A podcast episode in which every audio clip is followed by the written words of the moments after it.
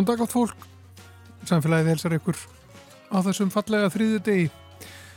Það er komið þriði oktober. Guðmundur Pálsson og Arnhildur Haldónardóttir eru umsjónamenn þáttarins.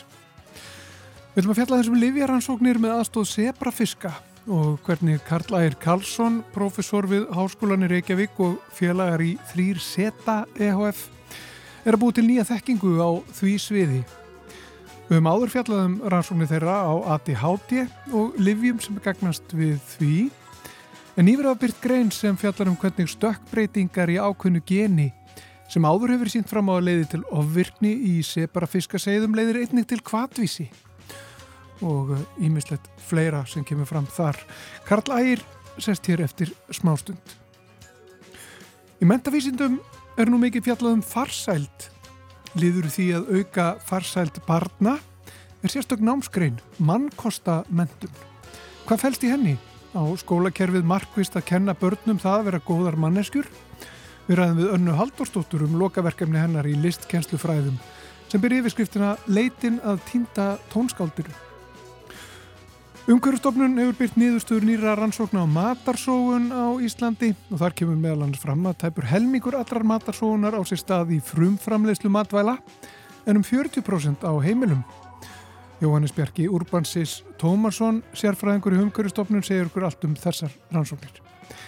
En við byrjum á sebrafiskum, livjarannsóknum, ADHD og kvartvísi.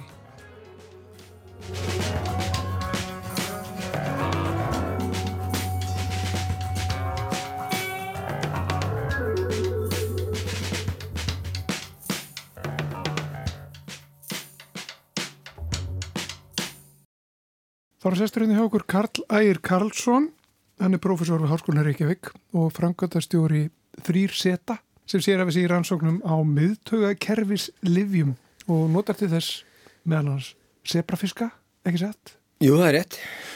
Sko þið hafið uh, áður byrt niðurstöður á ykkar rannsóknum sem benda til þess að, að það séu ímis liv sem ættir að nýta uh, við með, meðferð uh, við ADHD og því að komist að því að það eru liv sem eru til sem eru kannski notuð í öðrum tilgangi eða svona markasett fyrir um, aðra sjúkdóma eða, eða aðra raskanir Mm -hmm. sem hættir að nýta við ADHD þessar rannsónir ykkar eru núna hafa verið fullu gangi eða ekki? Og það eru vísbendingar um um ímestett fleira. Já, sko, þetta er rétt já, við notum sebrafiska uh, í sérstaklega í fyrstu skrefunum. Sko, hugmyndin er náttúrulega, er, er eldgömmul. Það er að nota lif sem búið er að þróa og snýða svona agnúan af. Það er að búið að vitum að eitthvað lif hefur þólist vel og hefur ekki neinn eitrun áhrifu og litlar aukaverkanir og svo framvegis. Að uh, oftar en ekki er hægt að nota þessi lif fyrir fleirin eina röskun eða sjúkdóm og eina sem við gerum er bara að búa til kerfi til þess að leita þessum lögjum skipulega. Og við semst notum erðabreittar sebrafiska línur þar sem við stökkbreytum eða erðabreitum genum sem tengjast ADHD í mönnum og, og reynum að endurskapa þessa sjúkdómsmynd eða röskunarmynd í fisk sem er þá tilrænum dýri sem notur þess að leita af lifi áhrifunum og við höfum verið að vinna þessu í nokkur ár og, og hérna erum þegar komið á sporið með nokkur liv og svo hefur á síðustu árum hefur verið, verið að fylgja eftir, að skilja betur hvað þessi liv gera, skilja betur nákvæmlega í hverju það fælst, af hverju fiskurinn virðist haga sér eins og sé með ADHD, hvað nákvæmlega gerðist við þessa erðabreitingu og fleiri tengdar erðabreitingar þannig að uh, uh, já, fyrir á síðast ári þá byrtu við niðurstóra okkar með fyrstu livjónum sem fyndum og lýsum þessu sebrafiska mótili er það, er kannski rétt að skjóta því að hér erðafræði að ég háti ég er ekkit einföld. Um, þó að þó að þessi röskun sé alveg örglega erfð, viljum manna þá, uh, þá eru þekkt kannski 20 gen sem, yfir 20 gen sem að stökkbreytingar í þeim þær leiða til aukinar líkur á því að grundum að þjáttja og svo er líka til því viðbúttar eru eru nú að skorti mér íslensk orð svo kvöldu polygenik riskskor þar sem hægt er að reikna út litlar minniháttabreitingar sem eru viðsvegar í erðamenginu sem saman leiða til þessa auk, auknu líka. Og í því tilfelli er mjög erfitt að búa til líkana því mjög erfitt tæknilega að líka eftir því. En þegar að stökkbreytingin er bundið við eitt afmarka gen þá getum við skoða er sama gen tjáði eða sama, kemur sama geni fyrir í fiskinum og getum við breytið með sama hætti. Og við völdum bara gen þarna, sem að henda vel í þessar breytingar breytum því og fáum og sjáum fisk sem að vera búin að lýsa núna er, er klárlega ofvirkur. Þar að segja hvað er ofvirkur? Sindirrætt og, og, hérna, og það er hægt að snúa þessu við með því að gefa eh, fiskinum hefðbundin ADHD-lif og þess að svona að allavega kannski ekki lækna en það er hægt að eigða þessum enginnum og þetta kerfi, þetta einfalda kerfi býður upp á það að hægt sé að gera rosalega miklar massamælingar. Það er hægt að mæla lifi þúsundavís á þessu kerfi.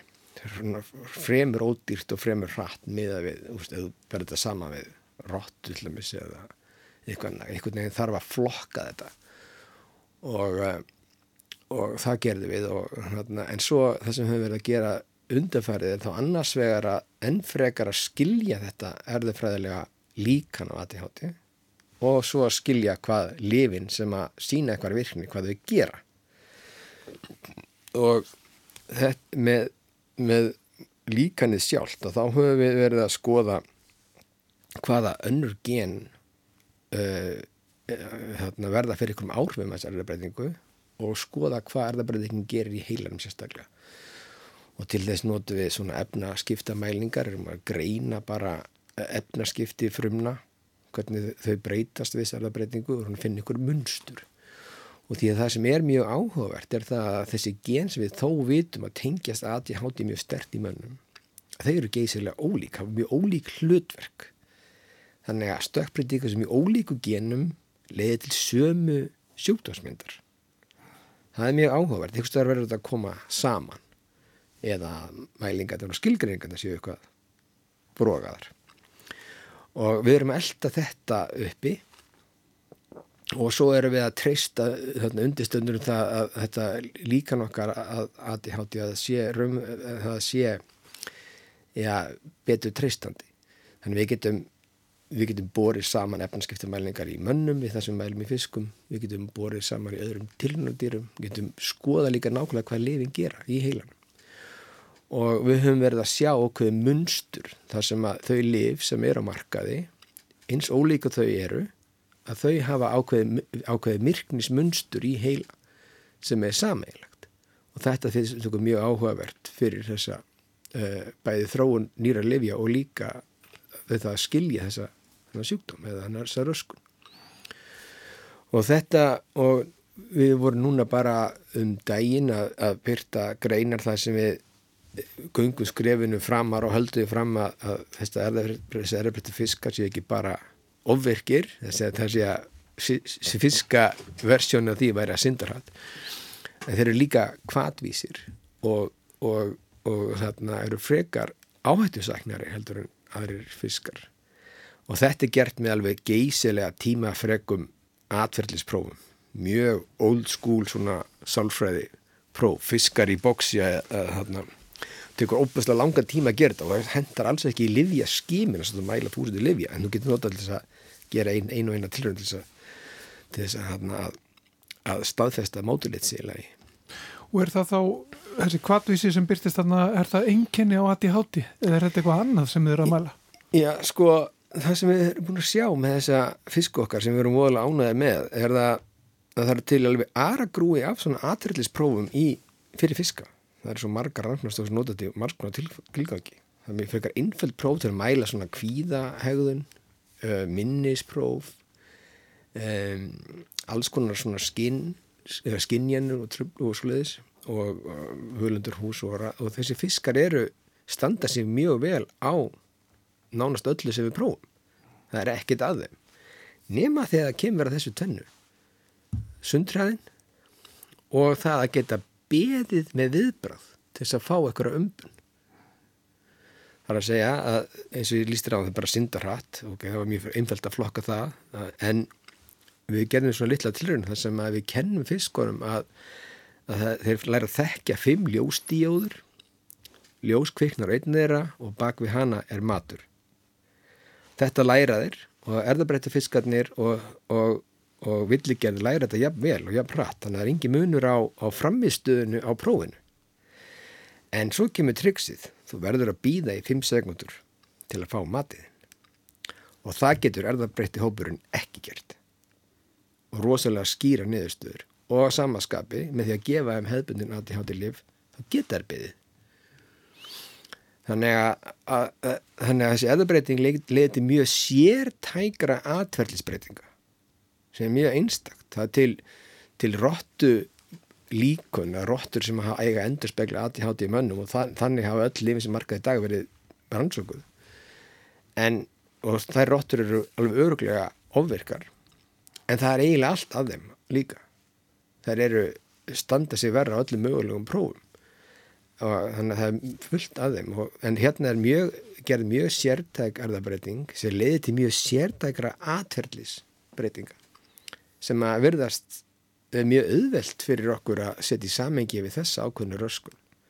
Það er alltaf, alltaf hæpið að mann gera um of hegðun fisks í krukku sko, mm -hmm. og, og hvað þá bara allra tilröna dýra en þetta er svolítið sláandi eh, þarna hvað þessi þessi, hérna, þetta atverðli er, er, er hérna, röskunin er á afmörkuðum sviðum.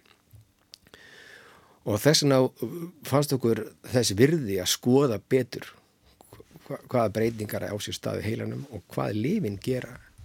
Þannig við höfum líka búin að prófa að bera saman mjög okkurlega efnaskipti bæði lífefni eða metabolíta og fytur og genatjáningu og bera saman erðabrætta fiskin og villigerðina og fáum svona nákvæmlega mynd af því hvað þessi litla erðabrætting gerir við heilan og það er frekar stort stór, stóra breytinga sem eiga sér stað en á afmörkuðum svið sérstaklega sem kemur að fytusýrum í heila uh, uh, bolgu viðbröðum og svona basic uh, orkuvinnslu. En og svo getur við spóðið saman erðabrættafiskin með og án allar þessar lefja bæði á þeim liðið sem við erum að skoða og þeim liðið sem er á markaði. Og getum þá séð hvað liðin er að gera, er það að breyta þessum hlutum sem að greinir á milli fisk enna heilbriðis og erðarbreytt fisk eða að gera eitthvað allt annað? Er eitthvað samælætt aðna og þannig erum við að sjá ákveðnar, ákveðnar mynd koma í ljós. En þeir eru með þessi mótel mm. og, og þessar rannsóknir sem þið hafi gert á, á sebrafiskum eh, getið þið þá getið, að því þú sagðir sko þetta eru mörg gen mm -hmm. og þetta er flóki samspil mm -hmm. getið þið einhvern veginn þrengt sko fókusin þannig að þið getið innblýnt á bara ákveðin gen og, og, og, og kannski greint einhvers konar einhvers konar samspil eða eitthvað slíkt sko Ég held að Eða eru þið alltaf með stórumyndina? Ég, ég held að þú bara, þú getur þrengt sjónarhaldinu og skoða bara eitt ákveði gen og ekkur um kannski fræðilegum ástæðum eða áhuga sviði en þú ert alveg öruglega að fá mjög skekta mynd af því sem gerist. Mm -hmm. Þetta er svolítið eins og að vera með þúsund púsl með þúsund púslum en vera með þrettan púsl á réttum stað og reyna að sjá myndina. En svo þetta er semst þessi, þannig að við erum farin að skilja nokkuð vel hvað, hvað við gerðum með þessa erðabreitingu skilja nokkuð vel af hverju hún gæti leitt til þessara breyttu höðunaminstra og við erum að skilja nokkuð vel hvað lifin er raunverulega gera. Og, og þau gera alveg að potti það sem stendur á lífstæðlunum, þau gera bara miklu meiri. Og þarna, þetta verður mjög áhugavert að, að segja frá þessu í meiri smáadröðum þegar að, að því kemur. En svo höfum við líka verið að, að að fylgja eftir þessum livjum sem við höfum fundið og reynda átt og gráði hvort þau eitthvað séns í að vera notuð í, í veðferðarskinni og þá höfum við núna síðast verið að nota hermanir þar sem við hreinlega í staðin fyrir að já, jú, það er enda rétt, við prófum lifin í róttu en ég held að það verði bara heyri sögunni til mjög fljóðlega út af þessari, þessari lifið mér að segja byltingu í nótkunn gerfigrindar í hvernig hægt er að sjá fyrir lifjáhrif á menn. Þannig að ég held að við notum uh, tilröndýr eins og fiska áfram og við erum bundnir við að nota tilröndýr sérstaklega í miðtöðakerfis sjúkdómum eða röskunum.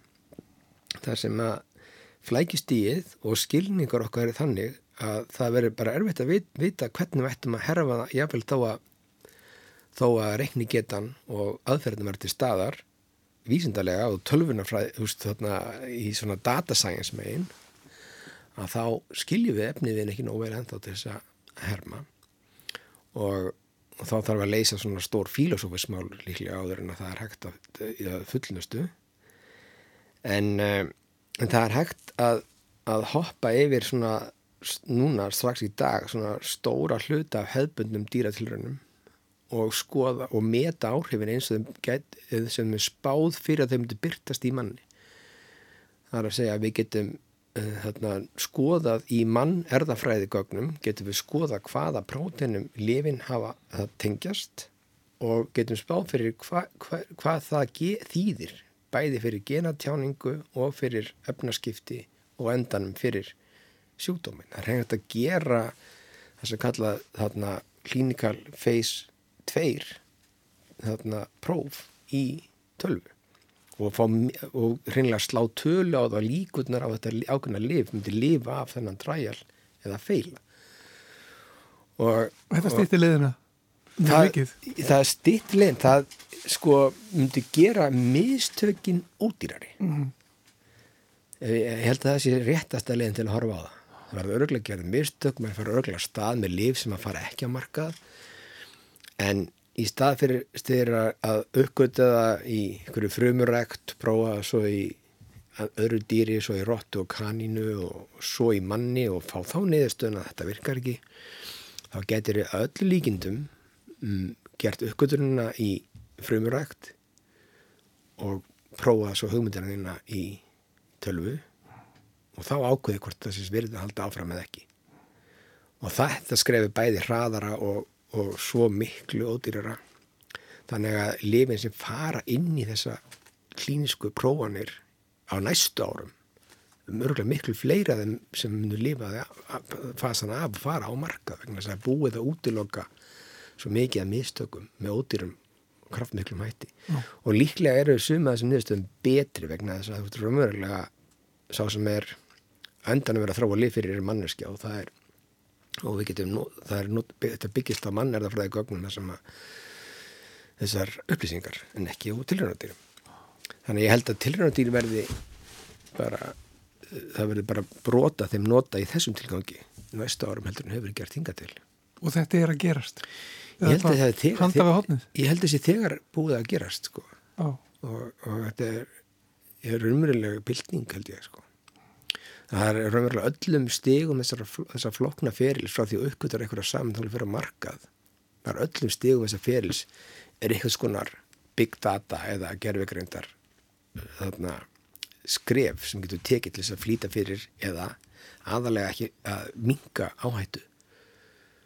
Útiloka mistöks hratt og örglega og velja rétta kandidatin til að halda áfram. Og, og, þarna, og þetta er Já, ég held að sé klárlega ekkit ofsögum sagt að þetta sé bilding. Við skulum ljúka þessu samtala okkar á bildingu. Þakka þér fyrir. Ákveð að enda þar. Karl Ægur Karlsson, eh, professor við Háskólinni Reykjavík og frangvandastjóri 3Z EHF. Takk fyrir kominu í samfélagið. Takk kærlega fyrir.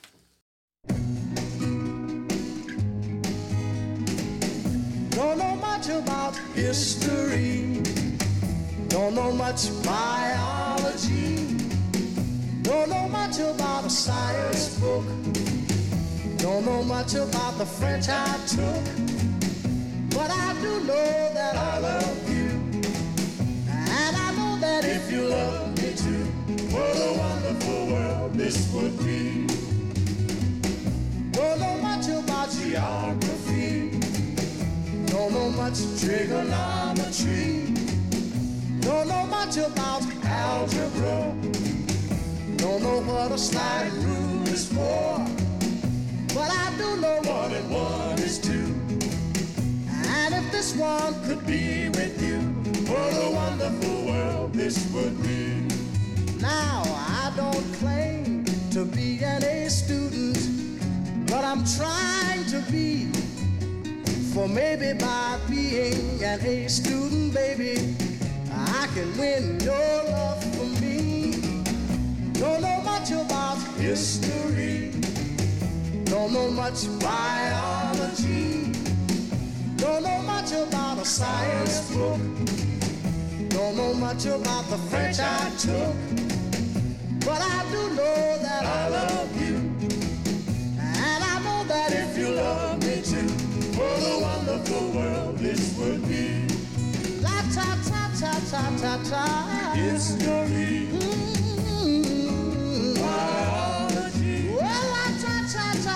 Ta. Science book. Mm. French I took. Yeah, but I do know that I love you, and I know that if you love me too, what a wonderful world this would be. Sam Cooke og uh, lagið Wonderful, Wonderful World. Núna fyrir helgi byrti umhverfistofnun niðurstöður mælinga uh, um uh, matarsón á Íslandi. Og þetta var byrt á förstu daginn, þá var uh, alþjóðlegur dagur saminuð þjóðana gegn matarsón. Hann er komin ykkar til mín Jóhannes Bjarki Urbansis Tómasson sem að er sérfræðingur hjá umhverfstofnun. Værstu velkominn til okkar. Já, takk fyrir að bjóða mér. Þið voru núna í fyrsta skipti er það ekki að ná svona einhvers konar heildarmati á, á matarsón. Getur maður sett það? maður getur sagt það. Við höfum nokkur sinnum eh, reynt að mæla matasón og þá náum við yfirleitt vel til heimila og áttum okkur ágætlaði hversu mikil sóun hefur verið á heimilum.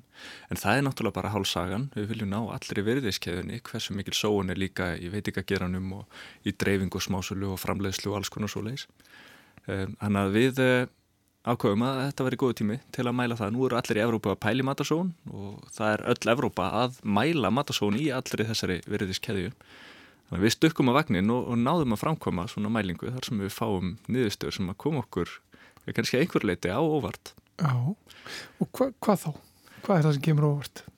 Nú um, hinga til þá höfum við kannski svona haft á hugmyndum það að matasón sé, sé mikið vandamál í, í allri veriðskeðunni hérna á Íslandi. Mælingarnar okkar sína hins vegar að, matasón er undir meðaltali, nánast allstaðar, undir Evrópu meðaltali.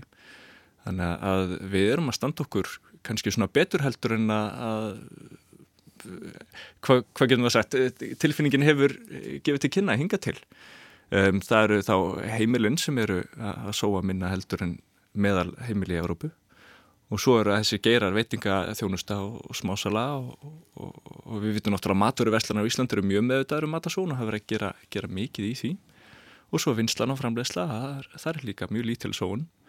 Og svona stærsta sneiðin á kökunni er kannski frum framleiðsla þar sem að matvalirunni framleiðt upphaflega græmitisrækt og kjötvinnsla en náttúrulega stóra okkar er sjávarútvegurinn. Mm -hmm. Og það, það er einfallega stærsta sneiðin af kökunni af því að við framleiðum bara svo brjálaðislega mikið magna matvalum. Við erum að framleiða 1,5 miljón tonn af sjávarútvegi eða sjávarfangi á ári. Það er sko 11 kíló á mann og dag, það er svona svo fullt fang af sjávarfangi þannig að hérna Þar er nýtingin virkilega góð en, en hérna 1-2% af sjávarútveginum ef því er svo að þá er það náttúrulega bara stór tala. Já. En við erum sérstaklega að standa okkur virkilega vel. Og það er, það er sett eitthvað svona, eitthvað magn á, á hvern íbúa landsins eða ekki? Við, jú, jú, það... við erum með 160 kíló á mann og það er þá það er svolítið sjokkarandi tala, þetta er mm -hmm. bæði sko ætur, ætur úrgangur og óætur sagt, þannig að ef við skefur havragrautin í tunnuna þá er það ætur úrgangur en bananahýði var í óætur úrgangur og við getum svona gert ráð fyrir að kannski um, 60-80 kíló að þessu sé ætur matur og restin er óætur Já.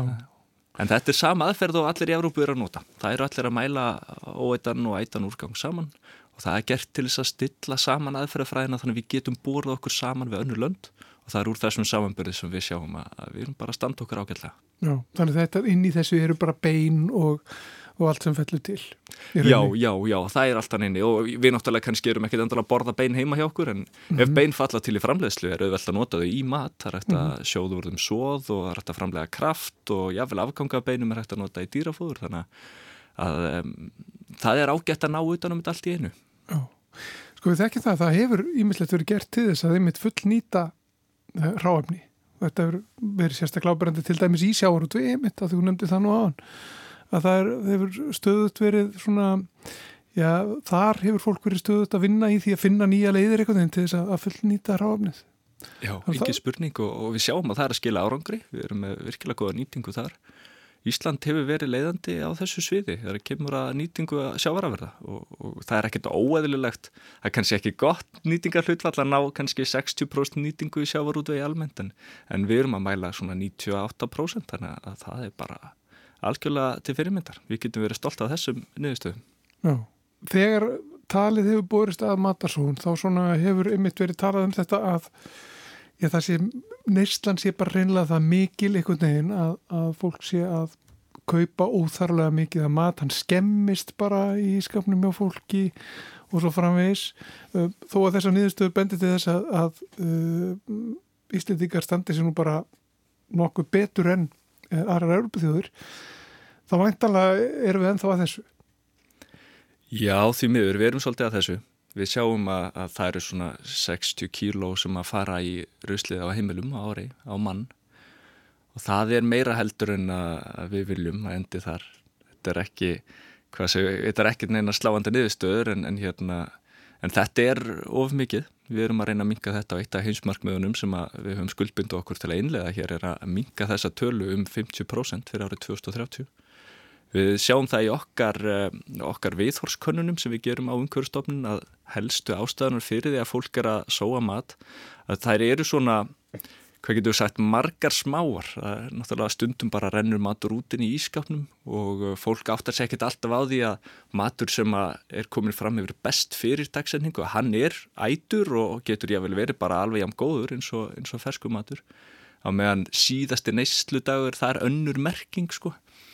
Um, þannig að reyna að auka, auka meðutundum þetta að það getur minga matasóðun til munna stundum skemmist matur bara enn í ískáp eða fólk gleymir að borðan, hefur ekki list á honum, eitthvað svona og þá sjáum við fyrir okkur að kannski að vera ans meira skapandi í eldhúsinu gæti, gæti verið einhver leiðalösninni en, en kannski enginn tauralösn. Eh, við sjáum líka að margir hvart yfir því að matapakningar hendið þeim ekki.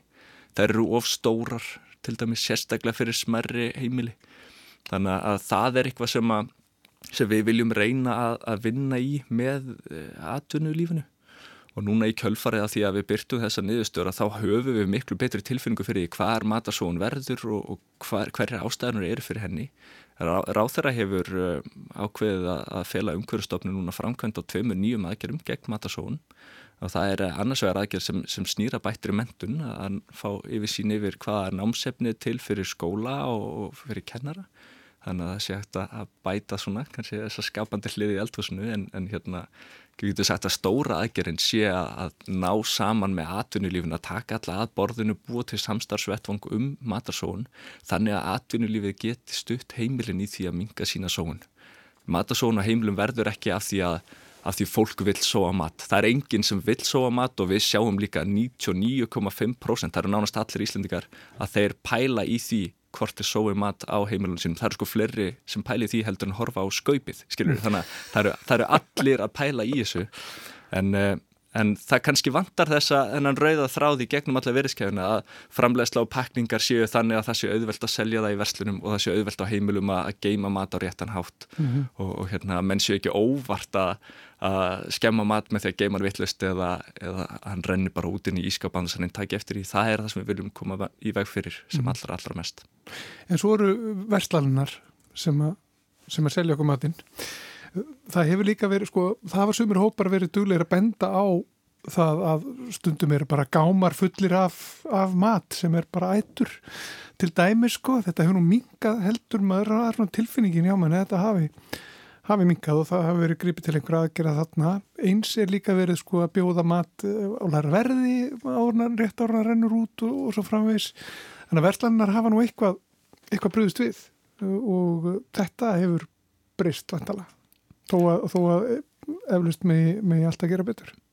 Já, já, engin, engin spurning og við finnum það líka bara að svona hvað getur sagt umhverfi svitund hjá maturverslunum hún er, hún er mjög góð.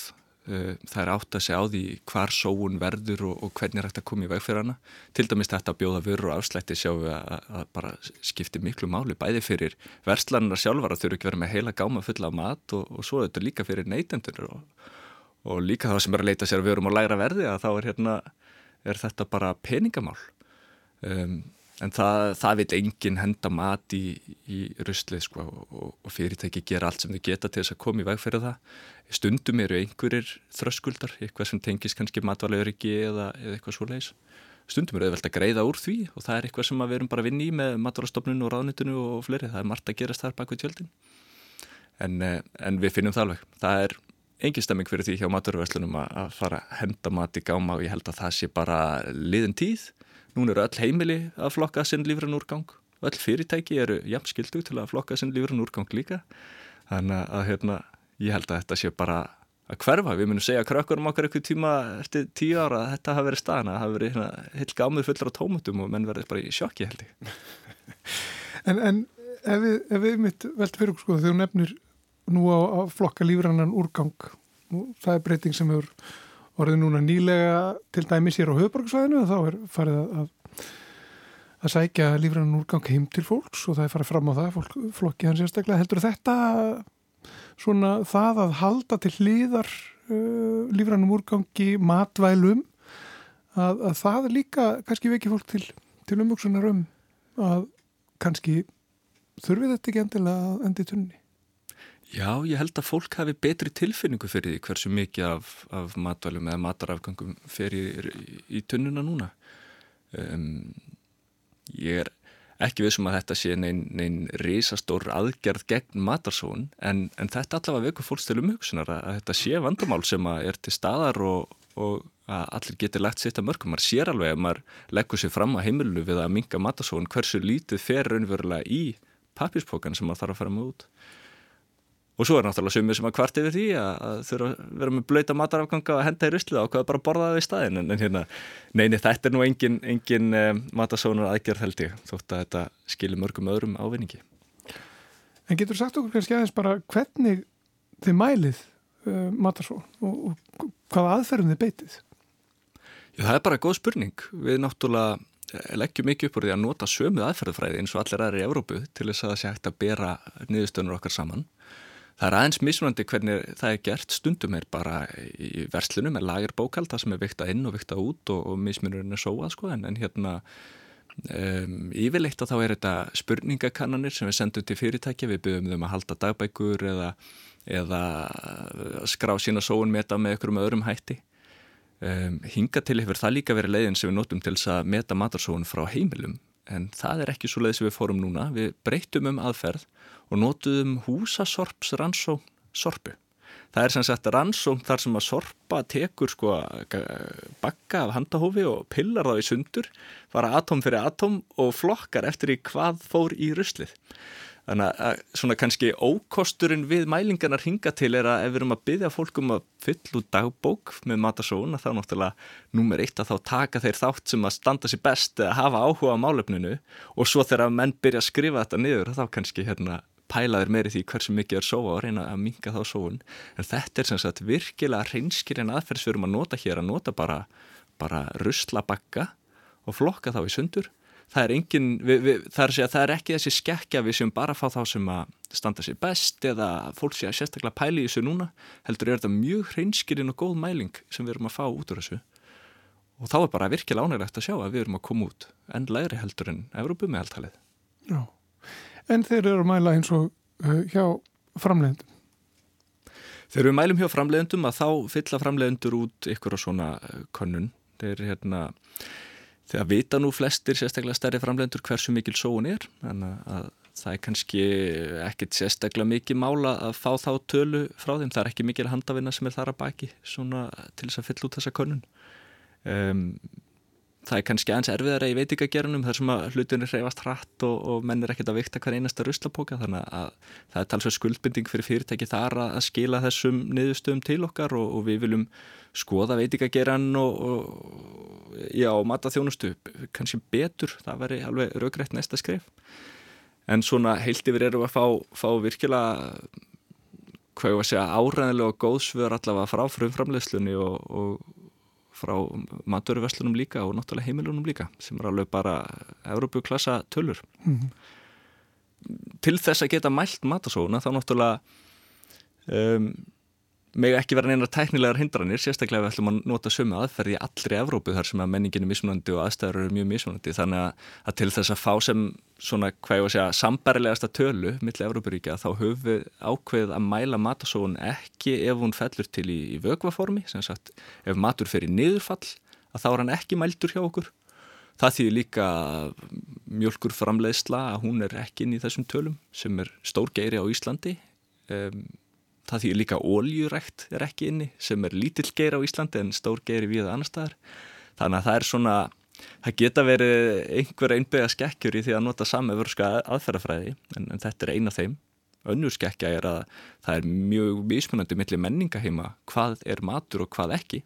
Hér á Íslandi til dæmis finnst okkur uh, loðnuhausar ekki vera matur en það er kannski talið með við annar staðar. Í staðin eru við að telja með rossakjött sem að aðra þjóður kannski telja ekkert endala með Þannig að eftir því sem maður tekur stekkunagleiri hérna, nær og nær pappinum að þá sér maður að það er ansi, ansi margir svona, hvað ég vil segja, ágæringsflokkar í þessari samheilu aðfer, aðferðafræði en heilt yfir eru niðurstöðunar mjög, mjög sambærlegar millir Európaríkja. Og stóra niðurstöðan fyrir okkur er að Ísland er að standa sér bara halva ágætlega? Við erum að standa okkur ágætlega, við erum á, á réttri braut. En hérna, það er ákveðin markmið, er það ekki? Við erum með markmið, við ætlum að, að minga matasónum 30% árið 2025 það verður brött brekka og svo stóra markmiðið er 50% árið 2030 mm. og þá eru þetta tölunar sem við erum að miða við. Þessa tölur fara í eh, við munum helminga þær árið 2030 þetta er eitt af heimsmarkmiðunum þannig að þetta er ekki sér íslenskt markmið og þetta er ekki eitthvað sem að sem að hérna Íslandi Já, við getum sagt að, að það verður mjög vandræðilegt ef Ísland verður ósamála því að ná þessu markmiði að því að þetta er eitthvað sem allur heimurinn hefur komið sér saman um að gera og það verður mjög spennand að sjá hvernig okkur gengur á þessari, þessari löngu og skemmtilegu vegferð. Alltaf að byrja vel hjá okkur. Mm. Við skulum bara ljúka þessu svona. Jóhannes Bjarki Urbansis Tómasson, eh, sérfræðingur hjá Unguristofnum. Takk fyrir komuna í samfélagi. Það maður benda fólki á að það getur lesið allt um þetta, um þessa rannsókn á VF Unguristofnar sjálfsög. ust.is Takk. Bestu þakkir.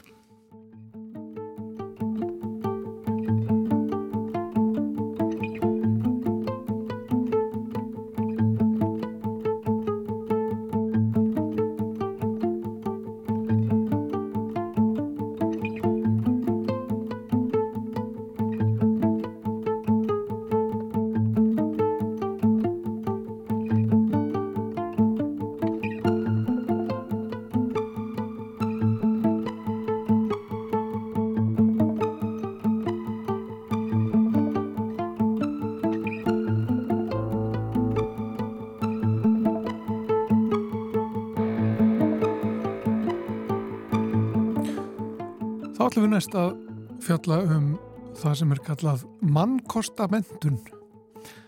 Arnildur Haldaróttóttir tekur við. Hún rætti við önnu Haldaróttóttur um lokaverkefni hennar í listkennslufræðum sem ber yfirskriftina Leitin að týnda tónskaldinu.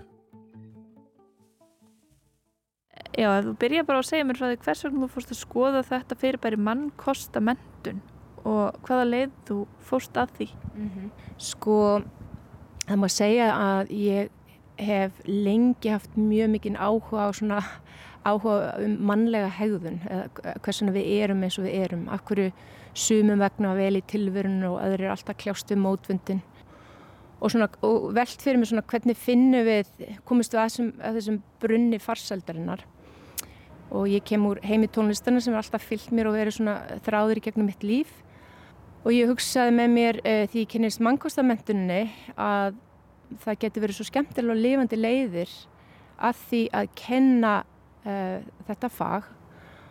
Og bara svona til þess að útskýra aðeins að, að mannkostamentur getur hljóma kannski svolítið sem nýtt hugtak sem það er að mörgu, mörgu leiti þó að það, það hafi verið þróun í Breitlandi og í Bandaríkjónum kallast á ennskunni character education og þetta hefur að gera með digðir eða mannkosti.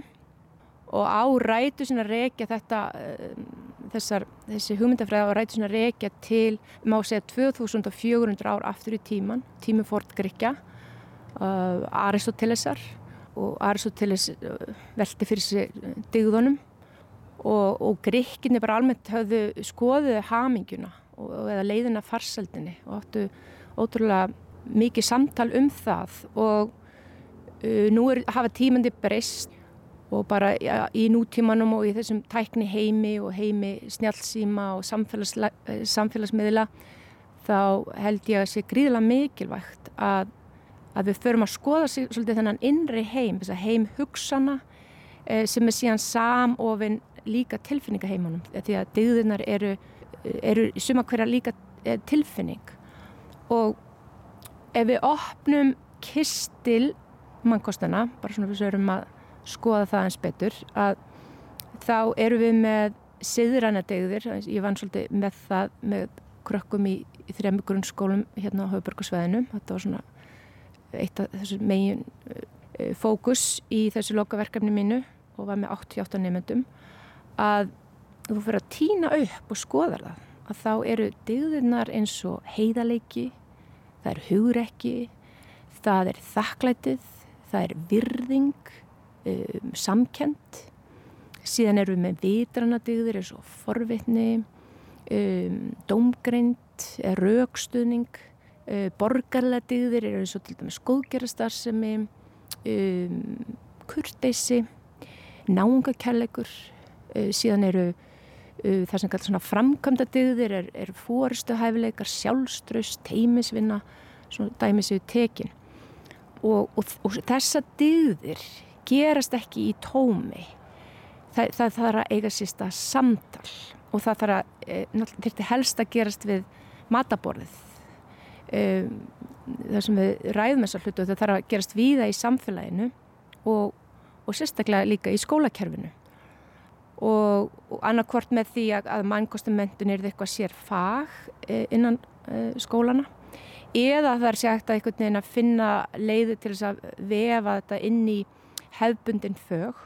Og það er einmitt það sem ég langi að spyrja þið um sko hvort þetta skaraðist þetta ef þetta er sér fagmannkvasta mentum hvort þetta skaraðist ekki við fög eins og siðfræði og, og, og lífsleiknina? Akkurat um, það er sko ég, þú veist það getur allt það er hægt að láta allt vinna saman og það sem er kannski svo merkilegt við mannkvastamenduna þetta er náttúrulega þú veist þetta á sér langa svo þetta er búið að hugsa þetta að mikill er dýft og það sem að mér finnst áhugavert að vinna með nefndum var það við vorum að skoða til dæmis hinn gullna meðalveg. Og ég mann þegar ég var krakki og heyrði eitthvað að vera að tala um gullna meðalveg þá held ég, tengdi ég af eitthvað meðalmennsku eða eitthvað. Eins og því ég verið að skoða núna, maður er eldri og vitrari að þetta eru uh, þess að degðir eru uh, svo mikilvægar og geta hjálpa okkur úrslega mikið til þess að greiða úr alls konar um, áskorunum sem við stöndum fram með fyrir og, og sérstaklega á þessum tímum uh, samfélagsmiðla, það er núna koma fullt af rannsóknum í ljóð sem er sína um, veist, hver áhrifamáttur samfélagsmiðla er og sérstaklega unga stúlkur.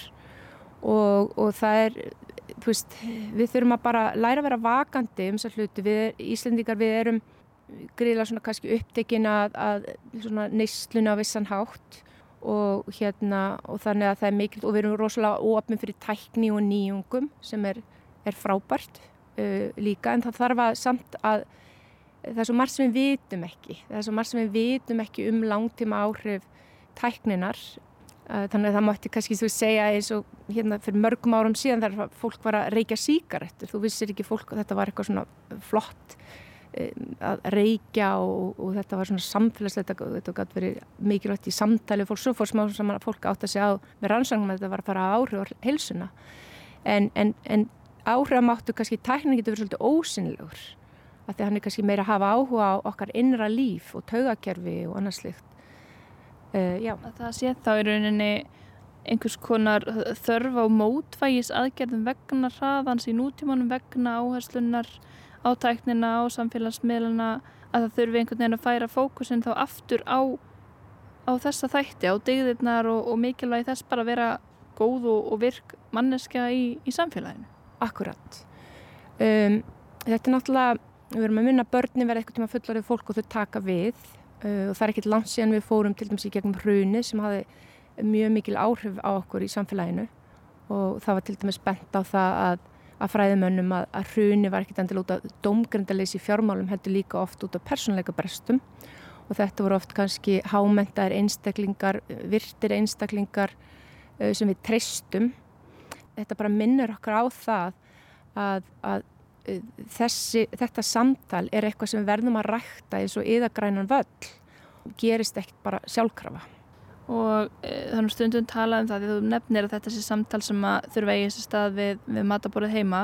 Mm. en líka kannski innan skólana margt af því sem þú nefnir þetta eru svona dygðir á mörgum sviðum og, og sem bara eru kannski margt af þessi er bara markmið fóreldra myndum að halda í uppeldinu að, að þetta er það sem þú vilt að barnið þið tilengi sér og, og, og geti sínt í verki setna svo eru talað um það að skólanir eigi ekki að sinna uppeldis hlutverki er, er með þessu verið að færa í rauninni það að ala upp manneskjur meira inn í skólakerfið? Sko þetta er við, við erum öll áhrifaldar það, það, fóreldrar náttúrulega sérstaklega við horfum á eitthvað í sjónvarpinu það verðum fyrir áhrifum allstar og þetta er ekki til þess að benda á einni neitt, þetta er bara minna á þessa þætti sem eru ég tel að sé bara leiðin að farsalt í hvaða samfélagi sem er. Og Þeir hafi ekki fengið nógu uh, mikinn, uh, mikla aðtökli að það hafi ekki verið nógu mikil áherslu á þetta að þetta er þá kannski já, erum er við að hugsa um sko ef þetta fær meira vægi að skólastarf breytist mikið að við riðjum úr vegi kannski hefðbundari greinum og förum meira inn í þetta. Hver, hver væri svona hugmyndin, stóru hugmyndin? Akkurat, sko um, það væri til dæmis eins og ég er að segja það væri hægt að annarkort að hafa þetta einhvern veginn að samofið inn í lífsleiknuna og það eru núna einstaklingar sem er og þróumóta þetta. Það er núna í mentakvika er að fara stað rástefna um farsælt og í skólakerfinu. Þannig að það er fullt af frábæru fólki að vinna í þessu og eru búin að vera miklu lengur en ég í þessu, þessu, þessu samræðu Þannig að, þú veist, eh, ég er, þetta er svona mitt, bara mitt ferðalega og minn rannsóknarleðangur, þetta er eitt sjónarhorn. Og, og það er svo mikilvægt líka við skoðum bara fordómaleysi, þetta er ekki til þess að gaggrina hvernig hlutinir eru en, en kannski að bara minna okkur á það að við erum alltaf í stöður í þróun og samtali.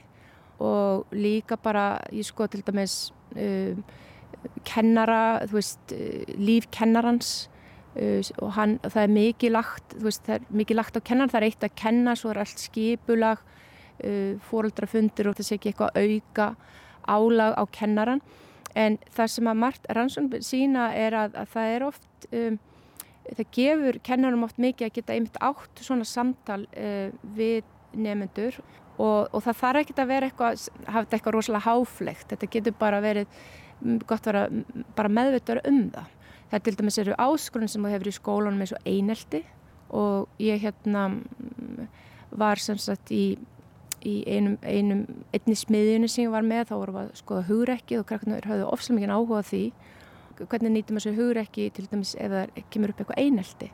Þetta skiptir í raun og ekki mál hvort sé bara eitthvað skóla, þetta, þarf að eiga þetta samtal hjá þeir sem byrja ábyrð í samfélaginu, þú veist, bankastarfsvöld, viðskiptafræðingar, stjórnmálamenn, lagfræðingar, þetta er eitthvað sem við þurfum bara að vera vakandi fyrir þetta. Sko hraðin í samfélagin í dag, við erum öll kannski orðin svolítið tætt, það er þessi fókus á, einmitt, á neyslu, á skilvirkni, á, á hérna, atvinnu, atvinnu að færa þá í rauninni fókusin svolítið líka meira yfir á mennskuna sem mótvægi til þess að týna því ekki í þessu öllu saman.